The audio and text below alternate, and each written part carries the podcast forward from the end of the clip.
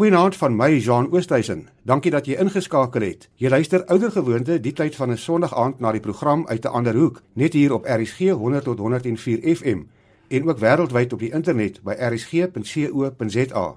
Ons gesels vanaand oor diskriminasie wat ook in geloofsgemeenskappe voorkom en of daar iets bestaan soos billike diskriminasie. My gaste om hieroor saam te gesels is Dr Nadia Maree, sy doseer sistematiese teologie aan die Universiteit Stellenbosch en my ander gas is advokaat Jan Henus, senior advokaat van die Kaapse Balie. Goeienaand Nadia, baie welkom aan jou. Dankie John. Naand Jan, welkom aan jou. Goeienaand. Jan, kom ons begin sommer by die term diskriminasie. Wat moet ons verstaan onder die woord diskriminasie veral uit 'n regsoogpunt? Want soos ek dit verstaan, kom dit daarop neer om mense doelbewus verskillend te behandel op grond van een of ander rede waaroor ons dalk later kan gesels. Ja, dit kan een van twee goed beteken. Die een is dit kan beteken om 'n onderskeid te maak sonder dat daar gevolge of nadelige gevolge intree as gevolg van die onderskeid. Dit kan natuurlik ook beteken om 'n onderskeid te maak wat nadelige gevolge meebring vir van die mense en nadelige gevolge kan ook insluit die ontsegging van aansprake op regte en voorregte en geleenthede. Die grondwet gebruik diskriminasie as 'n neutrale begrip want hy praat van billike diskriminasie wat veronderstel dat diskriminasie nie per se onbillik is nie. Alhoewel ek dink in die volksmond beteken dit waarskynlik om onderskeid te maak wat nadelig impakteer op sekere mense. Dit is interessant ons kan bietjie later dalk gesels oor wat is dan nadelig en wat is nie nadelig nie. Nadia, hoe verstaan jy diskriminasie veral uit 'n geloofsoogpunt en is dit nie maar in die mens se natuur om te diskrimineer op een of ander manier nie?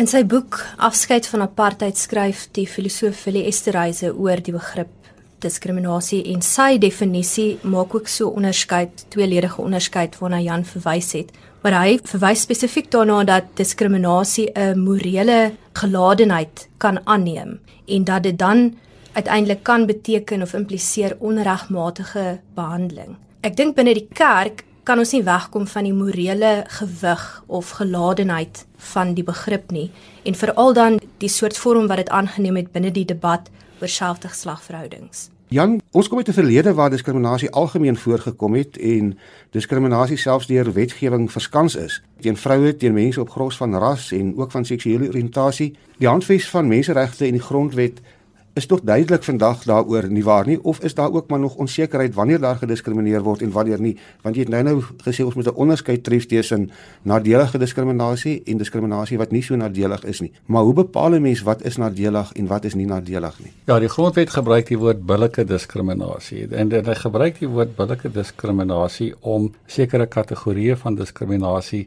buite die trefwyte van die verbiedende bepalinge van die grondwet te plaas met ander woorde om dit toelaatbaar te maak en die rede daarvoor is natuurlik om die agterstande van die verlede uit te wis deur te diskrimineer en dan prinsipieel of of, of hoofsaaklik uh, teen mense wat die voordeel van die verlede se diskriminasie geniet het. Diskriminasie met verwysing na die grondwet moet beoordeel word aan die hand ook van ander grondwetlike regte. Dit is regte wat teen mekaar te staan kom. Dikwels kom hulle teenoor mekaar te staan, soos die reg op die vryheid van spraak. Ek kan in 'n gegeewe situasie in konflik kom met die reg op waardigheid op menswaardigheid byvoorbeeld. So is dit ook met die die reg tot nie diskriminasie nie dat daar nie teen jou gediskrimineer mag word nie. Byvoorbeeld, jy het die reg tot vryheid van assosiasie wat beteken dat mense kan met mekaar assosieer op grond van keuses wat hulle maak wat 'n uitsluitende werking kan hê. Daar is ook die vryheid van geloof. Nou geloof is 'n moeilike begrip wat dit veronderstel dat mense sekere etosse as dit ware formuleer in terme van hulle siening van wat reg is en van wat behoort te gebeur en dit kan 'n uitsluitende werking hê want mense wat nie daarmee saamstem nie sal nie daarmee vereensgewig nie. En dan is daar in artikel 31 van die grondwet die reg op godsdienstvryheid en om jou godsdienst te beoefen in samehang met ander mense. Daar is 'n kwalifikasie daar. Meeste van hierdie regte is gekwalifiseer, maar die kortpunt wat ek wil maak is dat regte moet teen mekaar opgeweeg word wanneer hulle teenoor mekaar te staan kom. Nadia Jan het nou verwys na die grondwet en wat sê die handves van menseregte, maar uit 'n morele oogpunt, wat dink jy behoort diskriminasie op enige manier in geloofsgemeenskappe geduld te word En tot watter mate behoort geloofsgemeenskappe aan die grondwet verbind te wees? Ek dink deel van die debat op die oomblik John is juis hierdie vraag na aan die een kant die, die grondwet en hoe funksioneer die kerk ook binne 'n grondwetlike bestel, maar dan tweedens, hoe bepaal die kerk self? Wat is die teologiese oorwegings of die interpretasie van Bybeltekste of wat ook al sinodebesluite wat daar selfbepaling eintlik beïnvloed? te sê goed dit is ons binne die kerk binne die gemeenskap van gelowiges hier oor dink hoe mens die twee met mekaar laat praat dink ek is daar op die oomblik 'n gesprek hoor ek is nie altyd seker ons weet lekker om dit te doen nie. Maar die een observasie wat ek sou wou deel is 'n teologiese observasie rondom diskriminasie en dit is my opvallend dat in hierdie dae wat ons praat weer oor gelofte dag en 'n lied waar binne die gelofte getoonset is dat daar 'n soort gemaklikheid is met daardie diskriminasie God wat aan die kant is van voortrekkers en van wit Afrikaners Maar wanneer ons praat oor die Bellaar belydenis, ook met oor 'n God wat diskrimineer, maar dan diskrimineer in die guns van die armes en die verontregtes, dan is mense ongelukkig daarmee. Dit is opvallend dat ons het 'n soort gemak met 'n diskriminerende God, solank God diskrimineer in ons guns. Jan, jy het nou verwys na die reg tot geloofsvryheid en die reg tot vrye assosiasie. Maar wat is die situasie dan wanneer 'n kerk of 'n geloofsinstelling sy eie reëls bots met dit wat in die land se grondwet of in die hand van menseregte staan? Dit is hoekom ek verwys het na die verskillende regte, omdat wanneer dit bots met 'n bepaling van die grondwet, mag dit dalk verskoonbaar wees as gevolg van 'n ander reg wat kompeteer met die reg waarmee dit bots. Of dit kan geregverdig word in terme van artikel 36 van die grondwet wat sê regte is nie absoluut nie en daar kan in sekere omstandighede kan uh, daar afbreek gedoen word aan sekere regte. Nou die ideaal moet die staatelike reg ruimte skep vir die beoefening van godsdienst ten einde godsdienstvryheid en die uitlewing van godsdienstige leerstellings en beginsels moontlik te maak. Maar die staatelike reg kan nie heeltemal onverskillig staan teenoor wat in kerke en in geloofsgroeperinge gebeur nie. Byvoorbeeld, die staatelike reg sal nie onverskillig staan teenoor 'n religie wat verg dat daar menslike offerandes gebring moet word nie. Staan ook nie onverskillig teenoor 'n geloofs-oortuiging wat verbied dat daar bloedoortappings plaasvind nie. Die howe sal ingryp ter beskerming van kinders. Maar die ideale situasie is dat daar so min as moontlik inmenging van die owerheidskant is in die sake van kerke en dat wat die staat doen met betrekking tot die burgerlike samelewing soos wat dit sigself in religieuse groepe organiseer, behoort regulerend te wees en nie ingrypend nie. Behalwe dat die belangrike ding van 'n kerkorde is dat dit 'n kontrak is. Dis 'n kontrak tussen die lidmate en dis 'n kontrak vermoed ek ook tussen die verskillende kerkrade. Dit is 'n afspraak met die bedoeling om verbintenisse in die lewe te skep. En dit wys sekere verantwoordelikhede en take toe aan bepaalde instellings. En wanneer jy lid word van 'n kerk, dan uh, vergewis jy jou neem ek aan van wat dit verg en moet daardie prosesse wat voorsiening voorgemaak word in 'n kerkorde wat eintlik maar die grondwet van die betrokke kerk is moet gevolg word totdat hulle gewysig word. Maar hulle moet gevolg word. Die burgerlike reg sal toeganklik wees vir iemand wat beweer dat hy is anders as in ooreenstemming met die grondwet uh, van die betrokke kerk behandel omdat hy is anders as in ooreenstemming met die vereistes van die kontrak behandel. En dit is iets waaroor die staatelike reg iets te sê. Die gevolge van alle kontrakte word bepaal en beheers deur die staatelike reg, die burgerlike reg. Nadia, baie of die meeste gelowiges sal vir jou sê die grondwet is ondergeskik aan die Bybel. Wat maak 'n mens dan as die grondwet bots met die manier hoe iemand die Bybel verstaan. Ek dink gelowiges verskil ook met mekaar oor hoe om die Bybel te lees. So die vraag sou wees wie uiteindelik se interpretasie wen uit. Een van die interessante goed vir my ten minste is dat een van die kernwaardes van ons grondwet is menswaardigheid. En dit is iets wat teoloë al vir 'n lang tyd sê is die hart en die hartklop van die Christelike geloof en van die evangelie. Ek dink nie dat die kerk ooit in 'n posisie weer moet wees waar dit vir die grondwet en en vrye reg moet voorskryf nie Maar ek dink dit is naïef om te dink dat daar net een manier is om die Bybel te lees en dit is in konflik met die grondwet. Dit is opvallend dat ook in ander sake soos die saak oor lyfstraf wat op die oomblik aan die gang is, dat daar 'n soort beroep gedoen word op vryheid van godsdiens teenoor menswaardigheid en waardes van respek en nie geweld en so. En dit is my kommerwekkend want dit is 'n manier om die godsdienst te kaap in diens van 'n agenda wat ek nie seker is die evangelie dien of die goeie nuus van die evangelie uiteindelik reglaat aangeskied nie. Jan wat vir my interessant is, jy het nou gesê kerke moet aan hulle eie reëls gebonde wees. Dit maak dit aan die een kant moeilik as 'n kerk sy eie reëls kan hê, soos byvoorbeeld Daar is kerke wat sê vroue mag nie op die preekstoel wees nie en dit word aanvaar, maar wat nou as 'n kerk sê net blankes mag byvoorbeeld aan die kerk behoort, sou dit toelaatbaar wees? Nee, dit sal nie. Dit is 'n interessante voorbeeld. Kan ek net gou vinnig ek sê oor Nadia se menswaardigheid wat 'n kenmerk is van die van wat in die kerk gebeur. Dit is die kernwaarde ook van die grondwet. So die goeters loop meestal saam, maar dit is natuurlik altyd wanneer hulle oënskynlik in botsing met mekaar kom dat dit nie swaardig raak. Maar wat jou vraag aanbetref is nee, dit sal nie toelaatbaar wees nie, maar dit is daar's 'n spesifieke rede daarvoor en dit is omdat die wet op bevordering van gelykheid en teen diskriminasie bepaal spesifiek dat nie instansies of individue nie boonbehalwe die staat mag diskrimineer op grond van ras nie. Dieselfde geld geslag, maar dit is nie 'n uitputtende lys nie. Daar's baie meer kriteria wat in artikel 9 van die grondwet gebruik word waar daaroor diskriminasie gepraat word op op aangewese gronde. Maar hierdie twee is uitgesonder om spesifiek van toepassing te wees ook op individue en op regspersone soos soos vrywillige organisasies wat kerke is. Goed, ras en geslag. Ras en geslag. Maar wat van kerke wat nie vroue toelaat om predikante te wees nie? Die verbodsbepaling tref alle regspersone en kerke is is regspersone. So die hoofantwoord is ja. Maar soos wat dit maar dikwels die geval is met meeste van hierdie goeters, is daar waarskynlik uh, 'n uh, moontlikheid van interne kwalifikasies en 'n moontlikheid van 'n beroep op bepalinge van die grondwet, byvoorbeeld die met betrekking tot geloofsvryheid, vryheid van assosiasie ensovoorts. Kan 'n mens regtig op 'n billike manier teen iemand diskrimineer? Want dit klink vir my darm amper soos 'n teenstrydigheid, Jan hoe bepaal 'n mens wat is nou billik? As 'n kerk byvoorbeeld nie wil toelaat dat 'n vrou op die preekstoel staan nie, sou mens kan sê dis billik. Wel ek sal nie sê dis billik nie, maar om 'n voorbeeld te gee van wat billike diskriminasie kan wees, is wanneer jy van iemand wat in 'n bevoordeelde posisie is, 'n opoffering verg ter wille van iemand wat in 'n minder bevoordeelde posisie is. Dit sou myns insiens billike diskriminasie kan wees.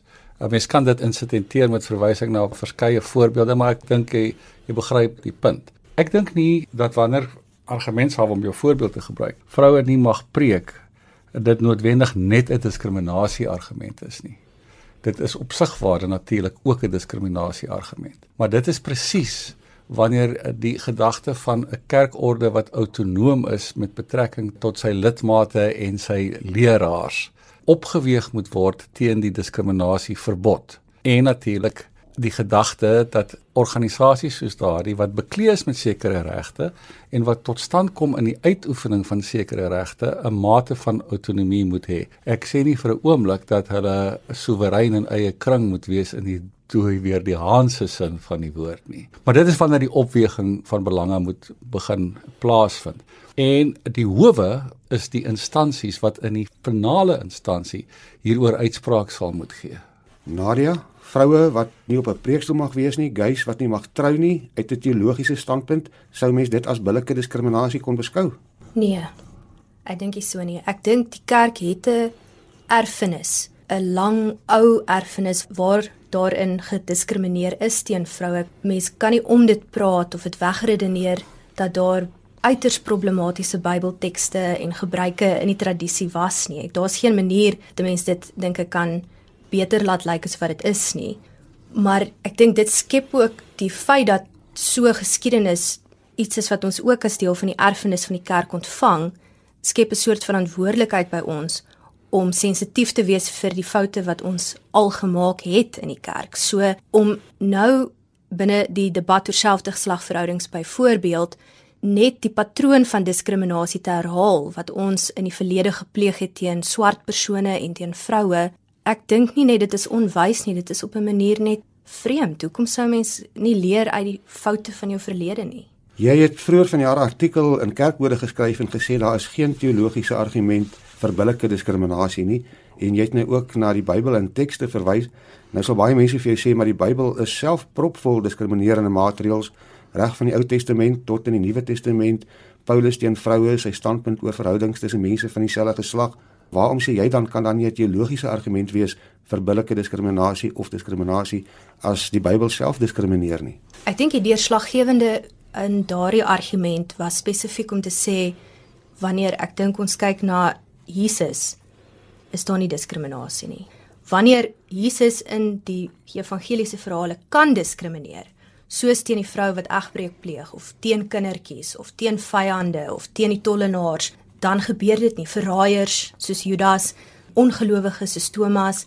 So wanneer dit geregverdig sou wees, dan sien ons tree Jesus anders op en die vraag is is dit nie liewer die patroon wat die kerk moet navolg en dit nie regkry nie en ek sluit myself daarbey in Wat Nadia sê, ekskuus tog as ek mag Jan, is natuurlik dat hierdie is 'n debat wat in die kerk gevoer moet word. Want diegene wat voorstanders daarvan is dat dames nie mag preek nie en diegene wat voorstanders daarvan is dat jy mense nie mag preek nie, het skriftuurlike gronde daarvoor. Hulle standpunt is die Bybel sê dat dit hoort nie so nie. En dit is 'n standpunt wat in die geleedere van die kerk uitgemaak moet word. Die staatlike reg moet sover as moontlik wegbly van ingryping in die sake van religieuse of kerkorganisasies ten einde hulle die geleentheid te gee om self te formuleer dit wat hulle geloofs-oortuiging vir hulle voorskryf. Maar dit is 'n debat, is 'n interne debat wat ter sprake is. Maar goed, maar wat ons nou gesien het in die afgelope tyd dat die interne debat het uiteindelik uitgeloop op 'n hofsaak en nou moet die hof daaroor besluit. Nadia, baie mense sal sê maar dit is juist die ding, dit is 'n interne en 'n kerklike saak. Jy was een van die mense wat die kerk hof toe gevat het. Hoekom kon die kerk dit nie intern hanteer nie? Die kerk het dit intern hanteer by die 2015 sinode. Daar's nie minder as 3 keer met 'n al groter meerderheid ja gestem vir die aanvaarding van predikante in selfde geslagverhoudings. So dit is goedgekeur. Dit het deur die interne prosesse gegaan. Dit is kerkordelik goedgekeur en die punt waar die geskil nou inkom is rondom hoe appelle hanteer is teen 'n meerderheidsbesluit by die hoogste besluitnemende liggaam in die kerk. En daaroor is daar onduidelikheid. So die feit dat daar 'n diversiteit van interpretasies is oor die Bybel en oor seksualiteit en oor spesifiek homoseksualiteit. Ek dink dit is 'n gegewe. Die vraag is of 'n besluit wat staan, dit is nie asof daar nie 'n besluit geneem is nie. 2015 is 'n besluit wat geneem is en dit is meer as een keer geneem in daardie by daardie sinode sitting. Hoe daardie besluit uiteindelik hanteer is en dit is dink ek eintlik waaroor die die hofsaak duidelikheid moet bied om daarbey te voeg. Ek meen dit is iets wat sommige van die kerkleiers ook gevra het, is dat die hof moet duidelikheid gee oor hoe ons 'n besluit wat staan van die algemene sinode moet hanteer, want daar blyk onduidelikheid oor te wees en ek dink dalk het ons meer regstegniese insaag en wysheid daar rondom nodig. Ja, dis 'n baie goeie voorbeeld waar die staatlike reg wel iets te sê het. Die staatlike reg sê as jy kerk jouself organiseer in die vorm van 'n vrywillige vereniging, dan is daar sekere reëls van die staatlike reg wat jy moet nakom. En die een daarvan is dat wanneer jy jy moet jou besluite neem oor inkomstig jou eie prosedure reëls. En as jy dit nie doen nie, sal die burgerlike howe jou verplig om dit te doen. Wat jy ook sal moet doen is wanneer jy byvoorbeeld 'n dissiplinêre stappe teen iemand neem, dan moet jy dit doen met 'n agneming van die reëls van natuurlike geregtigheid. Byvoorbeeld, jy moet so 'n persoon 'n geleentheid gee om sy of haar saak te stel en as jy dit nie doen nie, sal die burgerlike howe 'n uitspraak teen jou kan gee om jou te verplig om dit te doen. Dit is 'n ander saak as wanneer daar inhoudelik besluit word oor wat is die leerstellings van die kerk. Wat moet die leerstellings van die kerk wees met betrekking ook tot goed soos abortus wat deur die staat gewettig word, maar waarvan baie mense sal sê dat dit moord is. So dit is waar die opweging van belange en regte en aansprake grondwetlik gefundeer en andersins teen mekaar moet plaasvind. Maar word kerke dan nie eintlik voorgetrek teenoor sê net maar byvoorbeeld 'n rugbyklub of 'n voetbalklub, want kerke word toegelaat om op 'n manier te diskrimineer terwyl restaurante of klubs glad nie toegelaat word nie. Maar hulle word voorgetrek. Ek gaan nie spesifiek wees met betrekking tot dit die voordele van die voortrek nie, maar byvoorbeeld hulle word voorgetrek omdat daar 'n reg op godsdienstvryheid is, maar daar's nie 'n reg op rugbyvryheid nie. Nou om 'n lawwe voorbeeld te gebruik. Ja, daar is bevoordeelde posisies, maar byvoorbeeld 'n rugbyklub sou homself ook kon beroep op die reg tot vrye assosiasie en dan as hy diskriminerend omgang met sy reg tot vrye assosiasie, kom die vraag ter sprake of hy nie dan besig is om onbillik te diskrimineer nie. As hy diskrimineer op basis van ras, dan is dit on per se on per definisie onbillike diskriminasie. As hy diskrimineer op ander gronde, dan moet daar bepaal word met verwysing na die grondwet self en die wet op gelykheid waarna ek net nou verwys het, of daardie diskriminasie geoorloof is, want soms kan dit geoorloof wees. En die rede waarom 'n rugbyklub hieroor verantwoording sal moet doen of daar geverg kan word van 'n rugbyklub om daaroor verantwoording te doen is omdat die grondwet sê dat kan horisontale toepassing wees van die regte wat in die grondwet aan almal toegeken word en wat regte is wat in die eerste plek teen die staat geld maar dit kan ook geld teen medeburgers en mederegspersoon. Maar die reg op godsdienstvryheid is ook nie absoluut nie, nie waar nie en dit is miskien hoekom ons nou 'n hofsaak het sodat 'n hof kan bepaal tot watter mate 'n kerk kan diskrimineer. Dis moontlik. Nadia, jou standpunt is dat diskriminasie van enige vorm, het sy op grond van ras, gender of seksuele oriëntasie, gevaarlik is vir die NG Kerk en seker ander kerke ook, maar waarom sê jy is dit gevaarlik? Wel ek dink aan die een kant weer eens kan ons nie die kerk se eie geskiedenis en geskiedenis wat ook geweld insluit, veral teen minderheidsgroeperinge kan 'n mens nie wegwens of net ignoreer nie. So daar is 'n soort verantwoordelikheid wat geskep word, dink ek, deur te sê ons is 'n kerk. So dit is die een kant van die saak, maar ek dink spesifiek binne die NG Kerk. As ons sê ons is 'n kerk wat ook 'n geskiedenis het van rassediskriminasie van die 20ste eeu, genderdiskriminasie in die 21ste eeu, dan weet ek nie hoe 'n mens enige vorm van diskriminasie kan regverdig as dit die erfenis is wat jy ontvang het nie. Dit is die een kant. Die ander kant, ek dink die vraag wat binne die interne debatte elke keer gevra word is ook wat is 'n kerk? Wat bind ons aan mekaar? Hoekom is ons by mekaar? Hoekom wil ons by mekaar wees? Hoekom kom ons in eredienste by mekaar en by synodes en praat ons baie en neem besluite en so aan? En ek dink 'n deurslaggewende rede is die feit dat die kerk bely dat dit is God se genade wat ons aan mekaar bind. Ek is nie seker 'n mens kan in die lig van daai kernrede enige vorm van diskriminasie regverdig nie. Die twee is in wese in die DNA daarvan in stryd met mekaar. Ons moet afsluit Jan as 'n regsgeleerde, wat is dan jou raad aan kerke en geloofsgemeenskappe wanneer hulle oor hierdie sake worstel? Wel, ek dink die uitgangspunt behoort te wees dat dit wat hulle bymekaar bring, ek praat van die lede van 'n bepaalde geloofs-oortuiging, moet gedeelde waardes wees. En as daar nie gedeelde waardes is nie en as jy nie slaag om ander mense tot jou insigte te bring nie, wel dan het jy die reg tot vryheid van assosiasie. Waar jy 'n risiko begin loop, is wanneer jy